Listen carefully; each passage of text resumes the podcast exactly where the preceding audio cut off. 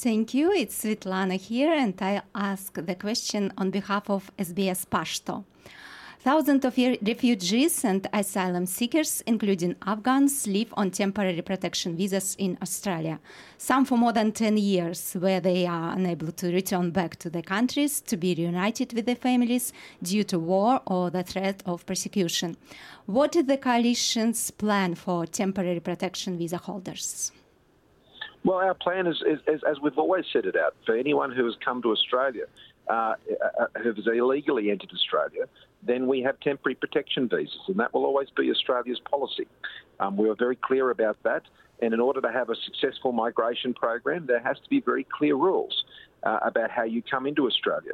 But our broader refugee and humanitarian program is one of the most generous in the world. I mean, right now, we have already um, processed visas uh, for some around 7,500 Ukrainian refugees, for Afghan refugees uh, who are impacted uh, by the terrible events we've seen with the Taliban taking back over Afghanistan.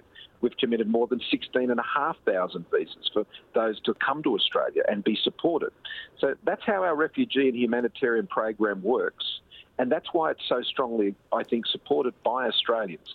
Um, we are a, a generous and long standing supporter of resettlement in Australia for those who come through our formal program.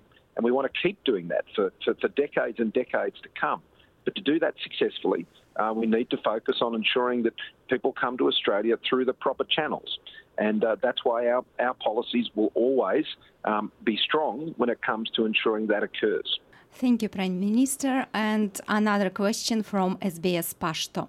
What is the government's plan to provide compensation for victims of alleged war crimes in Afghanistan following the Brereton report of 2020?